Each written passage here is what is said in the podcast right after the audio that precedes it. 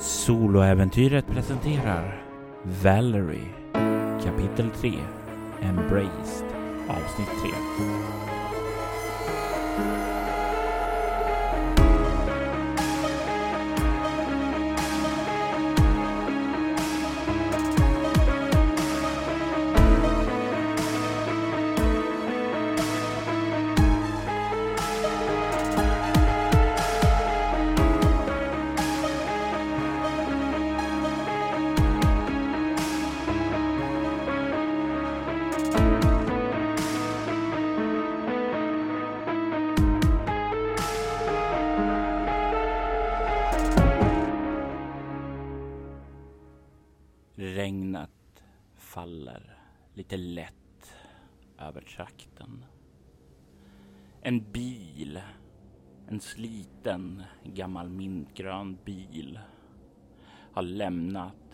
Descendant Farm bakom sig och börjar närma sig staden Bethel.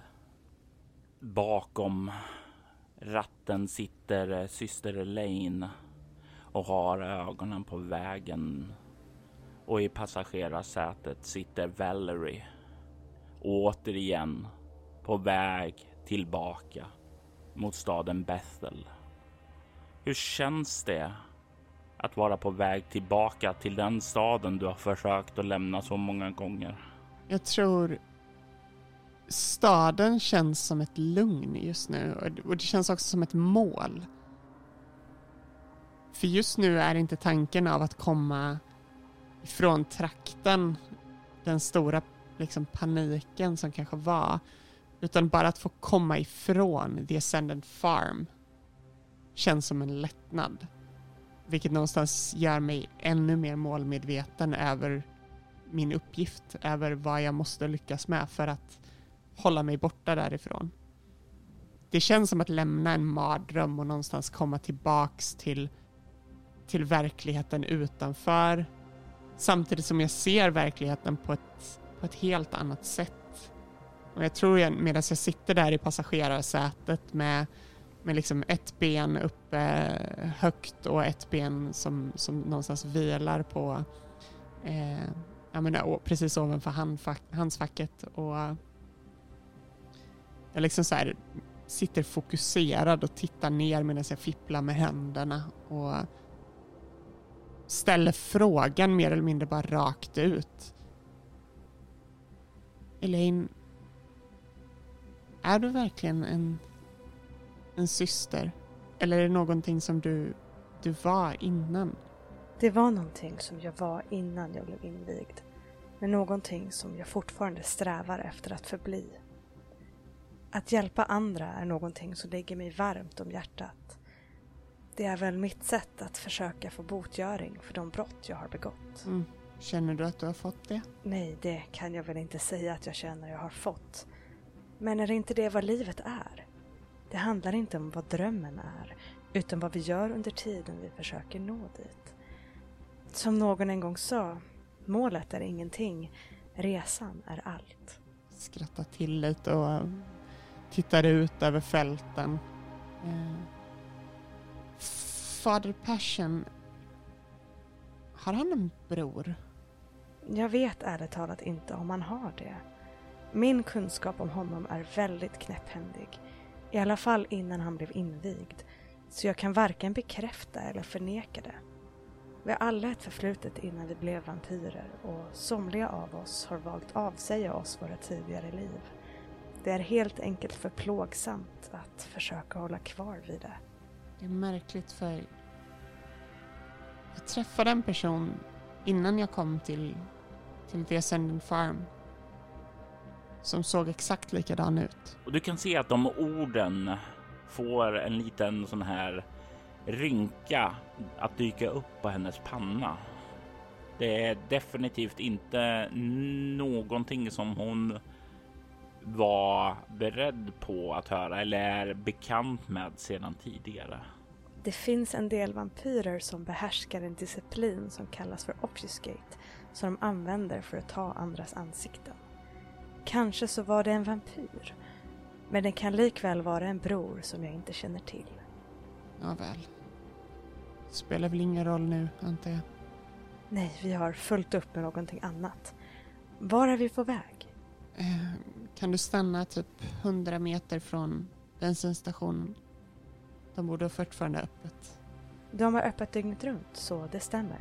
Och ni rullar in igen i Bethel och bilen bromsas vid trottoarkanten ungefär 100 meter bort. Och eh, Elaine vrider av nyckeln där. Regnet slår lite mot bilen där och hon kollar på dig. Jag går in. Jag frågar om hjälp. För att min, min bil har stannat längre bort och jag behöver hjälp med att ta den till bensinstationen.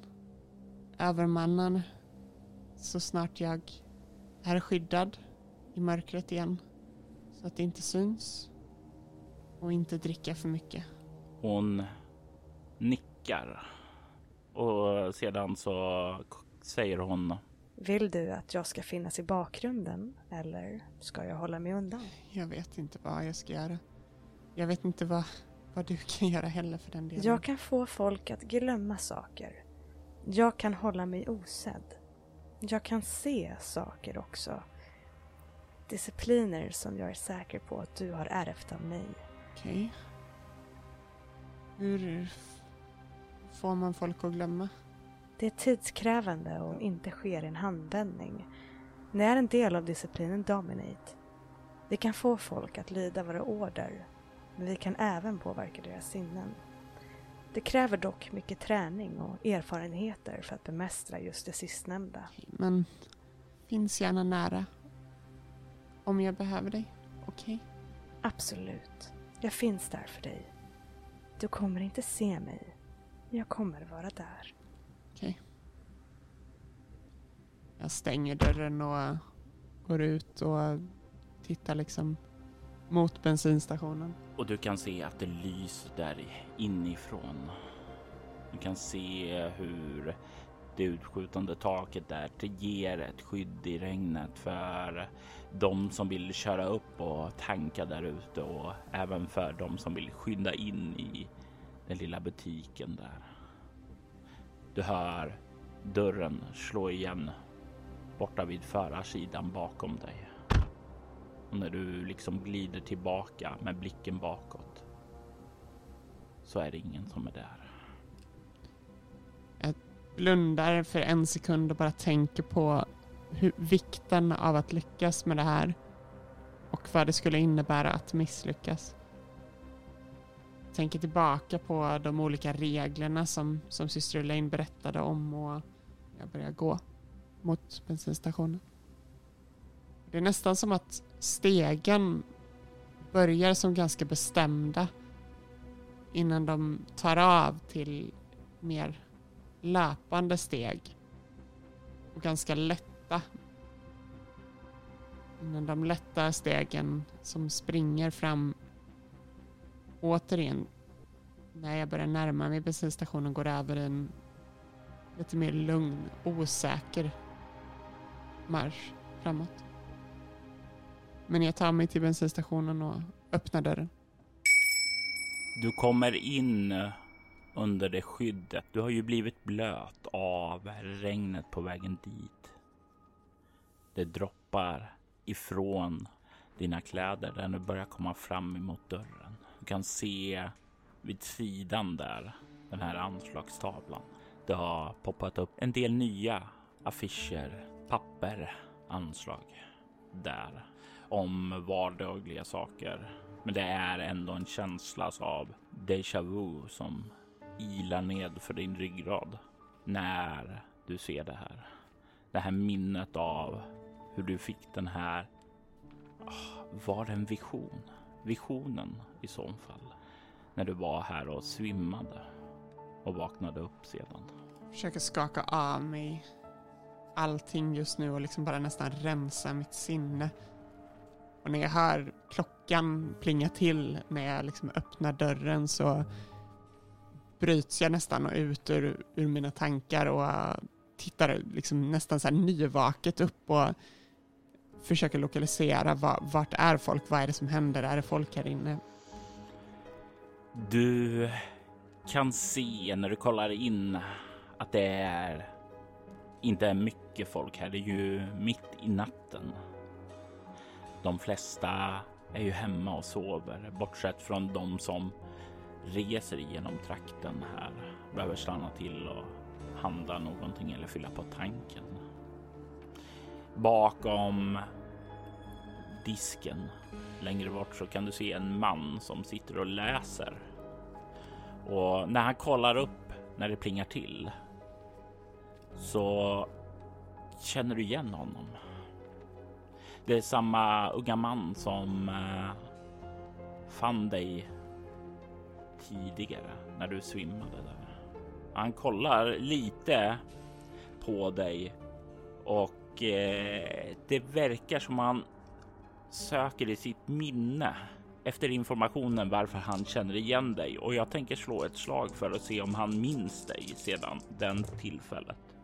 Och han kliar sig lite i bakhuvudet. Du är inte riktigt säker på om han känner igen dig eller inte, men han verkar kolla på dig och vad du gör. Eh, god kväll. Um, Hej, uh, förlåt. Jag, min bil har stannat. Jag skulle komma förbi och tanka men så här, jag börjar ta några steg framåt mot honom. Uh, jag, jag skulle behöva hjälp. Och jag tänker att det här kommer du få slå ditt jaktslag. Och det gör du nu med den här approachen med karisma plus subterfuge. Okej. Okay. Och det är ju helt enkelt för att du vill locka med honom iväg. Yes. Vad är det för svårighetsgrad? Sex. Eh, tre lyckade. Du kan se han nickar, reser sig upp och verkar lägga ifrån sig någonting på disken där och plockar upp en nyckelknippa och går fram bakom där och säger Ja, jag, jag, är ju inte den bästa mekaniker, men jag kan ju kolla på det i alla fall. Jag tror bara att jag har slut på, på bensin. Jag skulle behöva hjälp med att bara dra den hit de sista hundra meterna. Eh, ja, absolut. Det kan vi nog ordna. Kan ta i och för sig med en liten dunk och skvätta i bilen där. Och så kan du eh, rulla hit den sista biten. Det vore jättesnällt. Eh, har du någon dunk? Jag, jag, har, jag har... Du kan se han nickar och ler och säger vi, vi ordnar det. Och sen så börjar han att komma fram till dig och göra en gest. Låt oss gå ut. Jag låter honom gå förbi. Eh, och jag känner någonstans också liksom hans puls i den sekunden han liksom är som närmast. Hur, hur det nästan kallar på mig. Över att hur jag, hur jag bara vill här och nu men jag vet att här är inte platsen. Utan jag fortsätter att liksom hålla mig fokuserad. Du eh, ser hur han kliver ut och öppnar dörren och håller den uppe för dig. Ja, går ut och följer efter. Och när du kommer ut så stänger han igen dörren efter att ha vänt eh, skylten där från open till closed där och låser igen själva stationen. Jag gestikulerar lite lätt. Eh, här borta. Han nickar och säger jag ska bara gå iväg och hämta en dunk. Jag kommer tillbaka alldeles strax. Visst ja. Eh, absolut. Tack. Han försvinner iväg åt sidan och du kan se att han drar upp jackan ovanför huvudet och verkar skynda iväg när han kommer ut utanför taket och springer runt till sidan och lämnar dig kvar på framsidan.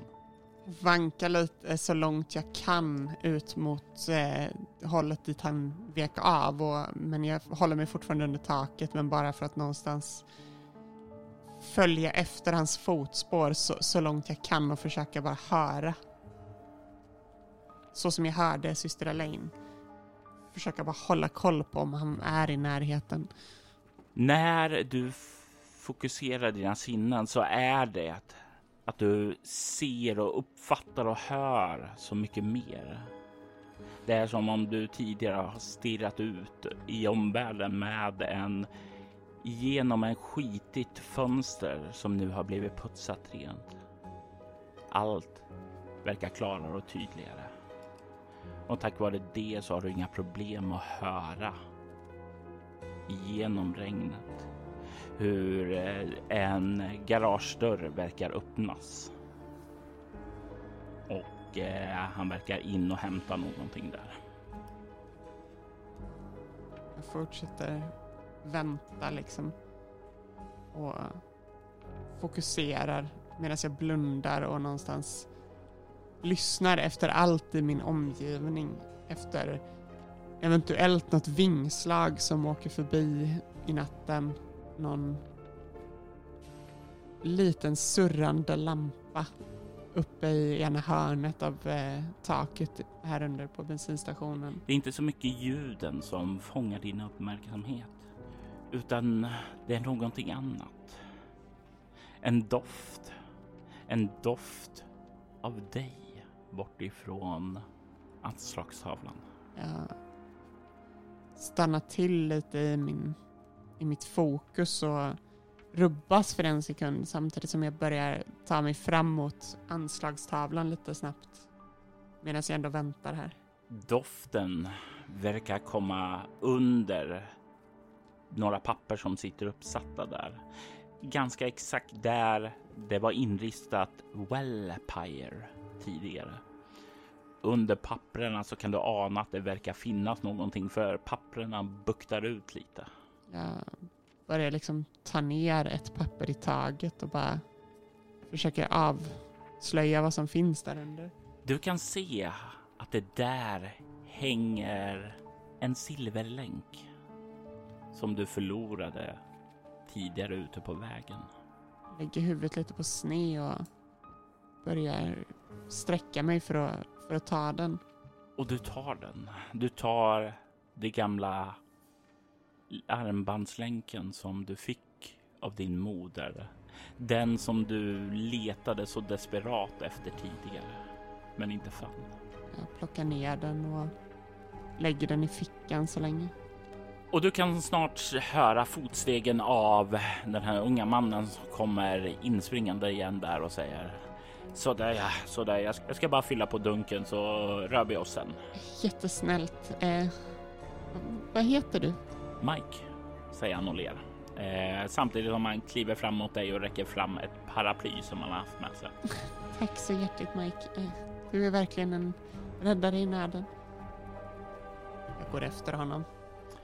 Och eh, han går bort då på dunken med bensin och sedan så kollar han på dig. Ja, du får väl leda vägen eh, vart vi ska. Eh, om du bara följer med här, det borde inte vara mer än några hundra meter bort här. Han eh, nickar och eh, börjar följa efter dig. Och han går. Ja, han håller sig ganska tätt bakom dig för att få lite skydd av eh, paraplyet han också. Jag fortsätter liksom framåt och när vi börjar närma oss bilen så, så liksom går jag till sidan av där tanksot, eh, tanklocket sitter och eh, öppnar upp det och liksom menande nickar åt honom och kunna Ja, jag kliver liksom åt sidan och håller upp paraplyet så att han ska kunna ställa sig där. Och han kliver fram och skruvar upp locket och eh, börjar fylla på tanken med bensin. Och i den sekunden så, så fokuserar jag bara allt jag kan och bara lyssnar av omgivningen en sista gång. Bara för att känna att allt är ordentligt tyst. Jag tänker mig att du kan få slå ett perception alertness och eh, med tanke på att du har två i auspex och har dina heightened senses på så är svårighetsgraden 5. Okej. Okay. Eh, ja, det här krossade vi då. Eh, fyra lyckade, två tior.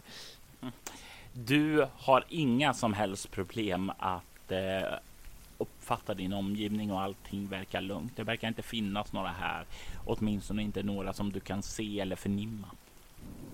och jag någonstans låter mig bara falla in i till det begäret som jag haft. Och medan han står där så närmar jag mig och tar ett, liksom, ett litet steg framåt. Men det går så fort innan jag liksom bara sjunker in i hans hals. Och du kan se hur naturligt det är för dig. När tänderna glider ut och du böjer ner mot halsen och biter in där. Det är instinkter som sitter i dig. Det här är din första feeding. Så jag tänker be dig att slå ett self-control nu. Det här är inte någonting du kommer att behöva göra varje gång du feedar, utan det är just nu när du är ny, grön och uttryckligen sa att du bara lät dig hänföras. Absolut. Du har difficulty 8 på det. Yes, en lyckad. Du biter in och du känner den första blodet komma in i dig. Det är så sött, det är så... Det är så härligt. Du känner hur det liksom verkligen bara fyller dig och det är i ett ögonblick där så flashar det till. Du kan höra en radio som verkar spelas på morgonen. Det verkar vara någon morgonnyheter och sen så försvinner den här flashen. Blodet pumpar in i dina ådror och du känner dig starkare. Du känner dig att den här hungern inom dig, den börjar törstas. I nästa ögonblick så kan du höra hur det pinglar till i en dörrklocka och du kollar upp från en disk och du ser dig själv och du kan höra hur ett hjärtslag börjar slå lite fortare. Och så känner du hur blodet fortsätter att sippra i dig. Hur många blod har du förlorat? Eh, fyra. Du får i dig din tredje bloodpool här och du kan återigen känna hur en flash då dyker upp i ditt sinne. Du kan se en grav, en grav där någon lägger en blombukett på den och i nästa ögonblick så flashar den blicken bort också. Du har fått i dig tre blod och du lyckades med ditt slag, vilket innebär att du kan stoppa din impuls och dricka mer nu om du vill. Jag i samma ögonblick som jag liksom så här någonstans hittar tillbaks till, till mig själv och mitt medvetande, även trots att det är så gott, så ekar syster Elaines liksom ord och jag, jag tänker tillbaks på i liksom en mikrosekund på, på liksom The Ascend Farm och på Bill som jag vet väntar och med den avskyn så liksom stoppar jag mig själv av bara impuls. För dit vill jag inte tillbaka. Sakta men säkert avlägsnar mig själv från halsen och jag tror instinktivt slickar mig om munnen för att få i mig det sista av det ljuva blodet. Du kan höra hur han mm, mm, mm, mm stönar till lite när du drar dig upp ifrån honom. Du kan se nästan hur han står där lite vagt. Ja, nästintill i trans när du liksom böjer dig upp ifrån hans hals. Du kan se att han har bitmärken i halsen och det är fortfarande blod där. Jag tar upp liksom... Eh, jag tar upp min hand och sätter lätt handen över de två bitmärkena och de två hålen och ställer mig på sidan samtidigt som jag torkar mig själv runt munnen eh, och försöker torka bort det eventuella blod som är kvar. Du kan se när du torkar att blodet inte verkar stoppas av det. Som om såren fortfarande är öppna.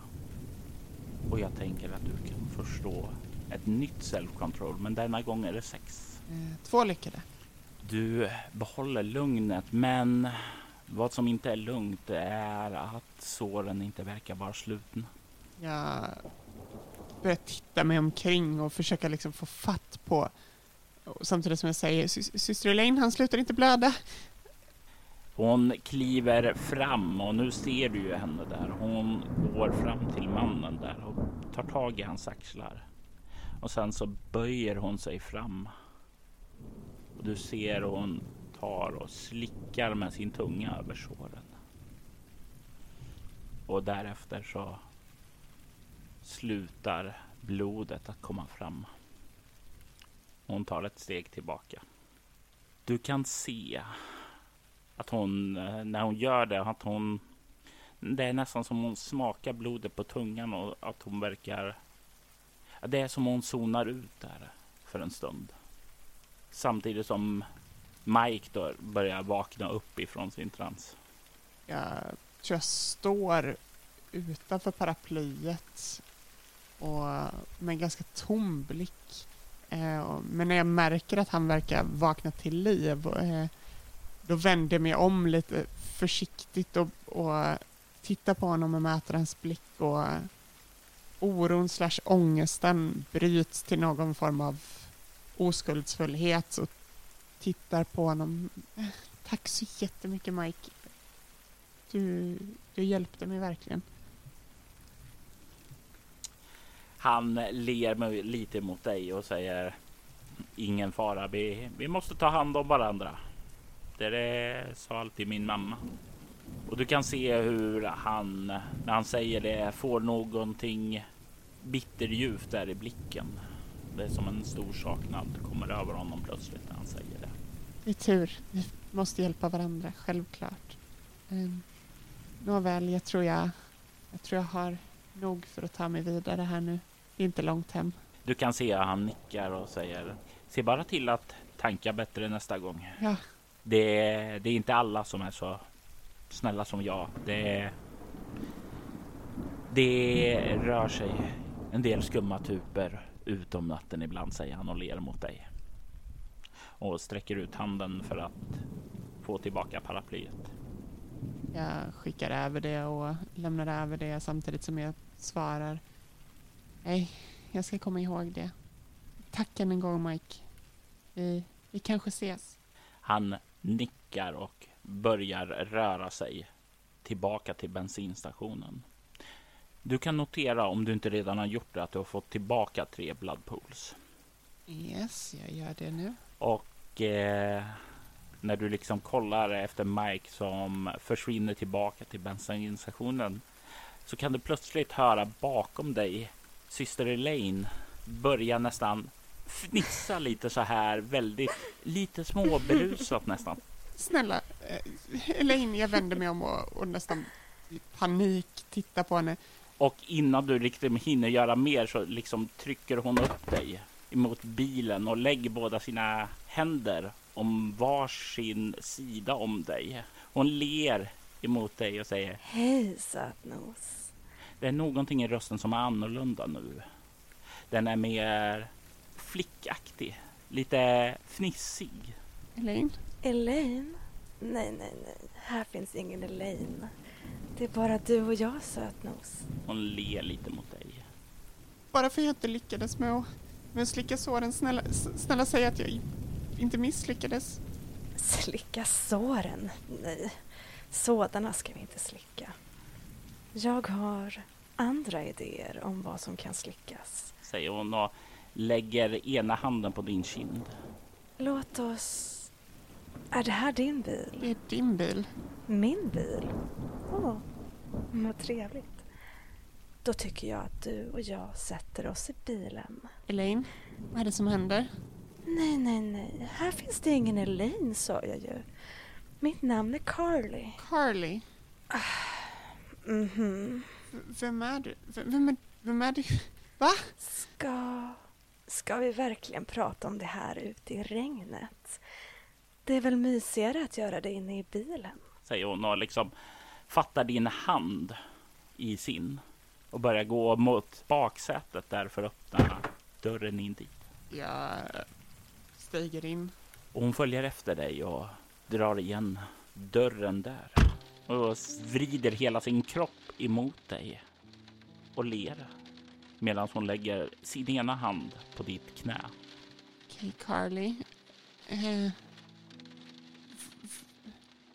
vem är du? Oh, vem jag är? Man kan säga att jag är en passagerare. En passagerare som har varit så ensam. Men ibland så har jag turen att få möta någon som är så vacker som dig. Och du kan känna nu hur hon börjar föra upp sin hand som hon har på ditt knä längs med ditt lår. Jag skyggar tillbaks lite och, och, och liksom tar tag i hennes hand. Eller hennes handled snarare med min, min hand och, och liksom stoppar henne för en sekund. Eh, Passagerare till vad? På den resa som är livet. Allting är som ett stort äventyr och ibland så känns det som att vi bara måste lämna allting bakom oss. Jag vet inte om du vet att inte följa vad samhället vill att man ska göra. Du förstår, min far var väldigt sträng. Och där du håller henne i handleden så verkar hon, ja, hon verkar röra på dig i handleden och istället för att du ska hålla tag i den så verkar hon kröka handen liksom för att fånga upp din hand i sin så hon håller den. Jag gör inget motstånd utan jag fortsätter lyssna. Min far sa alltid att jag var sjuk. Att jag var satans sköka. Men det är väl inte mitt fel att jag inte kunde låta bli att älska dem jag älskade. Hon ler emot dig. Jag förstår inte vad... Jag kan visa dig bättre än jag kan förklara det. Du kan se att hon börjar röra sig närmare emot dig för att sätta sig gränsle över dig. Jag är lite förstelnad i allt som händer och förstår inte riktigt. Samtidigt som tankar snurrar om vad som kan ha hänt. Är det här sjukdomen? Är det här ärren som syster Elaine pratade om? Jag tänker tillbaks på spegeln över alla de olika porträtteringar av syster Elaine samtidigt som jag fryser i ögonblicket och kan inte riktigt göra någonting. Hon sätter sig gränsle över dig och du känner hur hon börjar kyssa dig längs med halsen. Samtidigt som hon fnissar förtjust där. Där du sitter förstelnad och går och får de här minnena slunga sig igenom ditt sinne så dras det tillbaka till den här spegeln. En av de där spillrorna. En av de många, många spillrorna. Det är någonting där som du drar dig till minnes. Ett ansikte som var fullt av lust. En persona som såg väldigt flickaktig ut med två sådana här ponytails uppsatta där. Och ett oskuldfull yttre. Hennes kyssar börjar komma upp emot ditt ansikte, upp emot dina läppar. Jag för mina händer mot hennes midja och markerar lite samtidigt som jag för dem fortsatt över bysten upp mot hennes huvud och jag greppar tag i hennes båda kinder och, och håller dem där och, och pausar henne för en sekund och får hennes ögon att möta mina. Och när du möter dem kan du se att det brinner lust i dem. Det är ögon som verkligen åtrår dig i den här stunden. Det är ögon som stirrar på dig med en blick om att vilja ha dig här och nu. Jag tittar på henne med någon sorts förståelse. Jag tänker tillbaks på alla skärvorna av personas i spegeln och någonting som var så oklart känns nu klarare än någonsin och jag, jag tittar på henne. Jag ser henne i ögonen. Jag, jag ser bortom det. Jag tror i en sekund så drar jag en liten bit av hårstrimma som, som har fallit ner över hennes ansikte bakom hennes öra och låter den andra handen smeka ner längs kinden mot hennes hals och ner över hennes nyckelben ut över axeln. Och jag bara betraktar. Carly, Ja, älskling. vad vill du? Vad vill du med mig? Jag vill slita av dig kläderna och njuta av din kropp. Här och nu. Säger hon och börjar ta tag i din blus för att knäppa upp den. Jag börjar andas tyngre och jag känner hur... Eller gör jag det? Det kanske du gör. Det kanske är så naturligt för dig att ta andetag och sådant. Vampyrer behöver ju inte andas, men de kan genom att spendera en blod aktivera kroppsfunktioner för att börja andas. Och det är kanske exakt det du gör just nu. Det är precis det jag gör. Och jag känner när, när liksom andetaget, även om det kanske kommer undermedvetet, så, så börjar jag liksom andas tungt. Och jag känner hur, hur kroppen från den kyla som den hade för kanske ett litet tag sedan någonstans hettar till. Även om det kanske bara är inbildning så så känns det som att jag får en förhöjd puls. Någonting som brusar upp inom mig och jag, jag vet inte vad det är. Jag kan inte kontrollera det. Och jag tittar på syster Elaine. Eller är det Carly? I min värld är det fortfarande Elaine. En människa som... Eller, hon är ju inte det. En vampyr som så godhjärtat valde att rädda mig som lyssnade till mina tillrop och gav mig en ny chans. Jag tittar på henne och jag, jag kan inte annat än att känna en enorm vördnad och respekt. Samtidigt så är hon så vacker. Jag vet inte varför jag inte såg det tidigare. Varför, varför kanske i all min panik, allt som hände runt omkring, jag trängde det åt sidan men hon är saker. Titta på läpparna. Titta på hennes kinder. Blickar upp mot hennes ögon som strålnar av åtrå. Jag fortsätter att föra min hand längst ner över axeln. Ut mot armen och armvecket. När jag bara liksom trycker henne mot mig. Utanför så faller regnet ned. Så om det skulle ha varit någon förbipasserande, då skulle det inte synas tydligt vad som pågick där inne i bilen. Kanske inte heller då det faktumet att bilens fönster sakta börjar imma igen. Men det kan synas att bilen börjar guppa där. För en stund så förenas två individer i någonting passionerat. För en stund så glider alla de här tankarna, alla tvivel, alla farhågor bort för dig. Det är så intensivt där och då för dig Valerie. Att det liksom dränker ut allt annat. Är du erfaren på det här området Valerie? Nej, hon har bara varit med två personer tidigare och en av dem var inte speciellt villigt i slutändan. Så det här är något nytt. Och det är annorlunda på så många faser. Det jag har vuxit upp till att värna och betrakta sex som någonting som tillhör äktenskapet.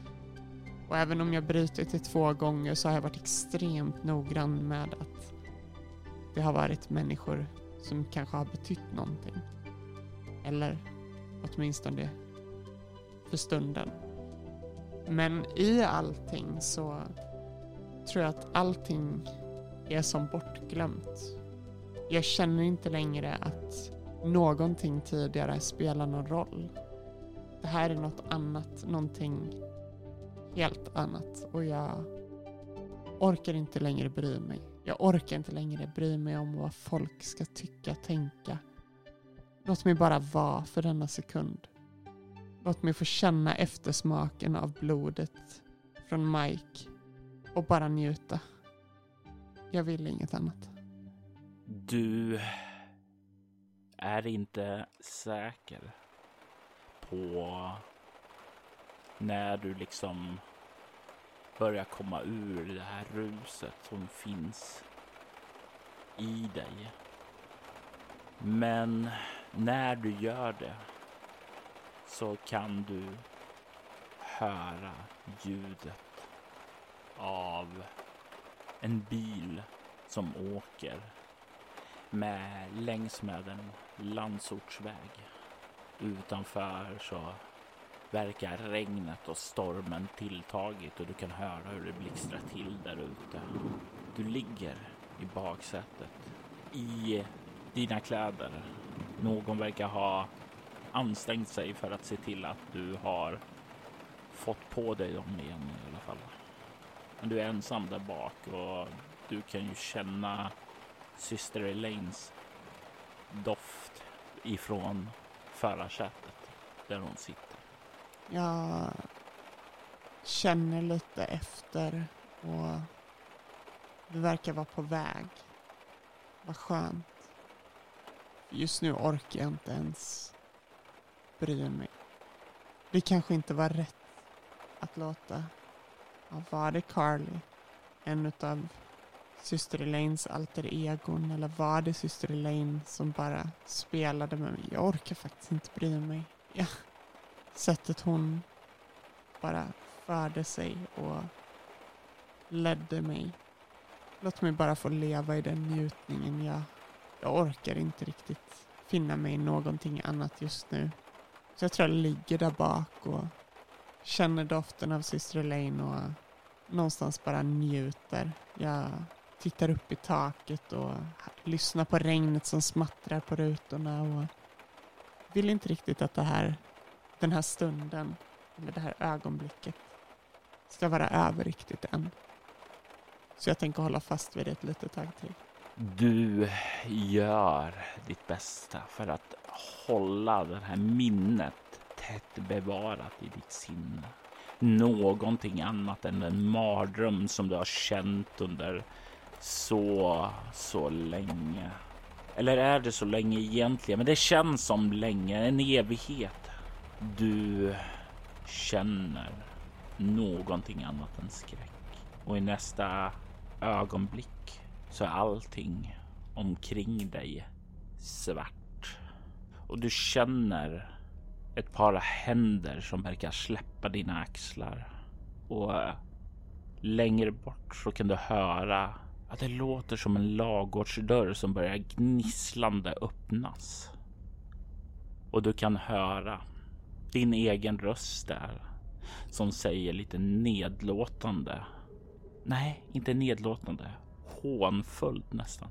Åh, lilla gumman, var det lika skönt för dig som det var för mig? Jag vänder mig om och tittar mot ljudet och rösten.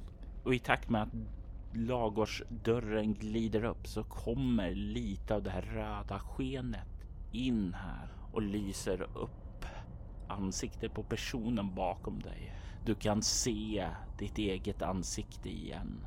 Det där hårda, arroganta som kollar på dig med en blick fylld av avsky.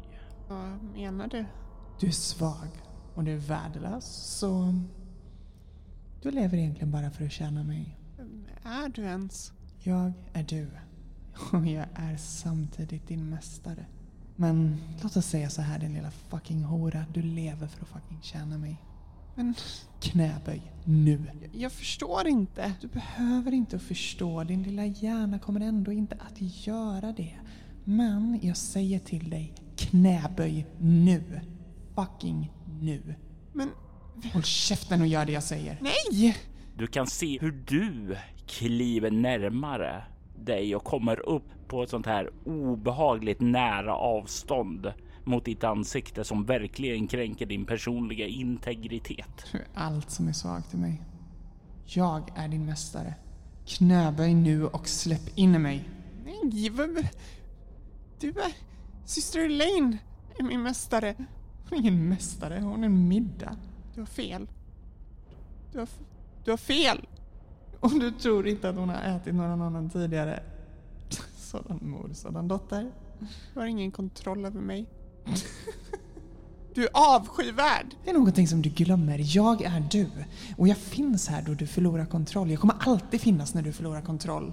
Jag kommer rida dig då. Och jag kommer ta din lilla kropp på en färd som du aldrig kommer glömma. Förstöra allting runt omkring dig, din fucking lilla hora. Och därefter så rycker du till där och ligger tillbaka i baksätet.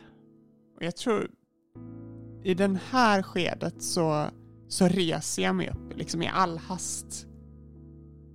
Och det är omöjligt att inte liksom märka att något drastiskt hände. Du får ingen eh, kraftig reaktion ifrån Elaine som sitter bakom ratten, men eh, hennes blick flackar lite snabbt upp där mot backspegeln, ser att du kommer upp och Jag ser ganska panikslagen ut tror jag. du kan se att hon verkar slå på blinkersen, kör in till vägrenen och verkar stanna där. Förlåt Valerie.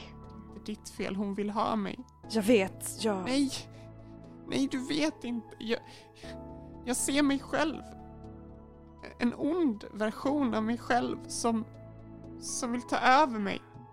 Du kan se hur hon vänder sig om emot dig och du kan se att det är någonting plågsamt i hennes blick.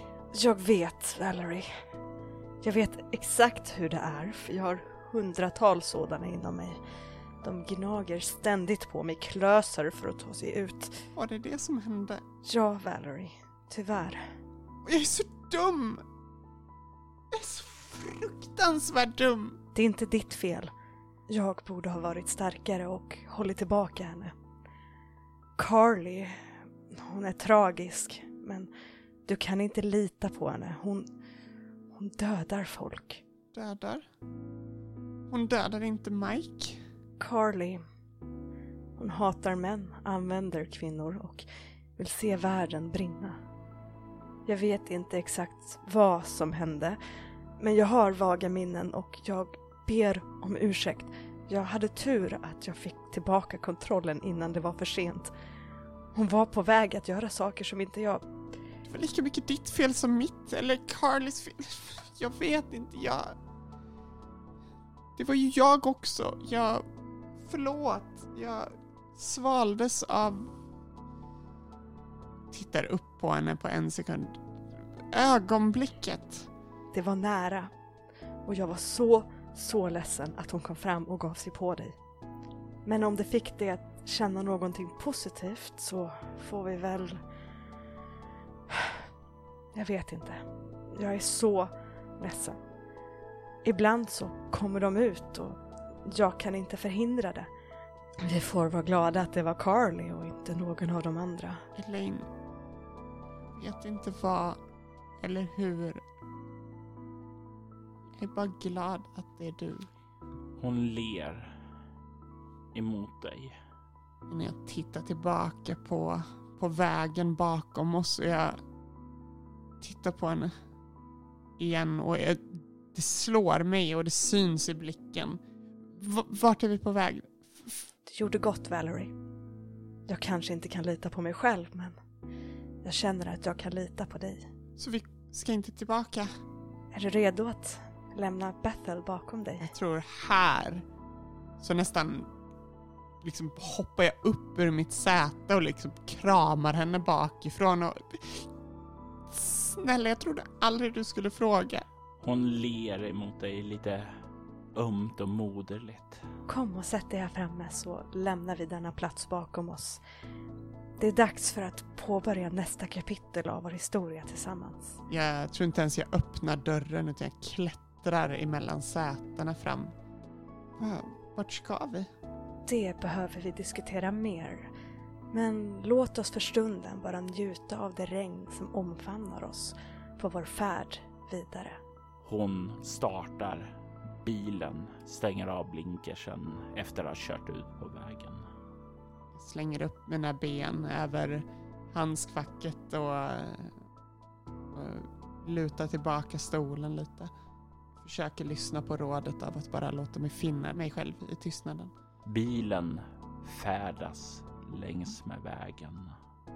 Och denna gång så är försöket att lämna den lilla staden Bethel, platsen som var hem för Woodstockfestivalen, bakom sig.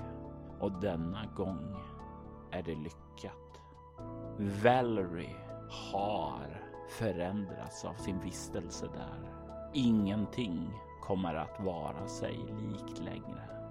Men nu är hon äntligen fri ifrån dess grepp om henne.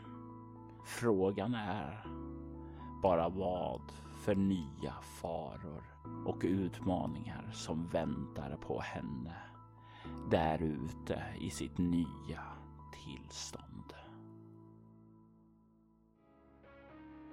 Valerie är en podd av Agnes Rudbo och Robert Jonsson där vi spelar rollspelet Vampire the Masquerade med inslag av de andra rollspelen i White Wolves World of Darkness. Gäst i detta avsnitt är Emily Drotz från Rollspelarna som gestaltade syster Elaine. Avsnittet redigerades och producerades av Robert Jonsson medan intromusiken gjordes av Agnes Rudbo. Övrig musik i detta avsnitt var skapat av Tabletop Audio samt copyrightfri musik. Ni kan komma i kontakt med oss via mail på info.bortom.nu eller följa oss på Facebook som Valerie Chronicles eller Valerie dog 1969 på Instagram.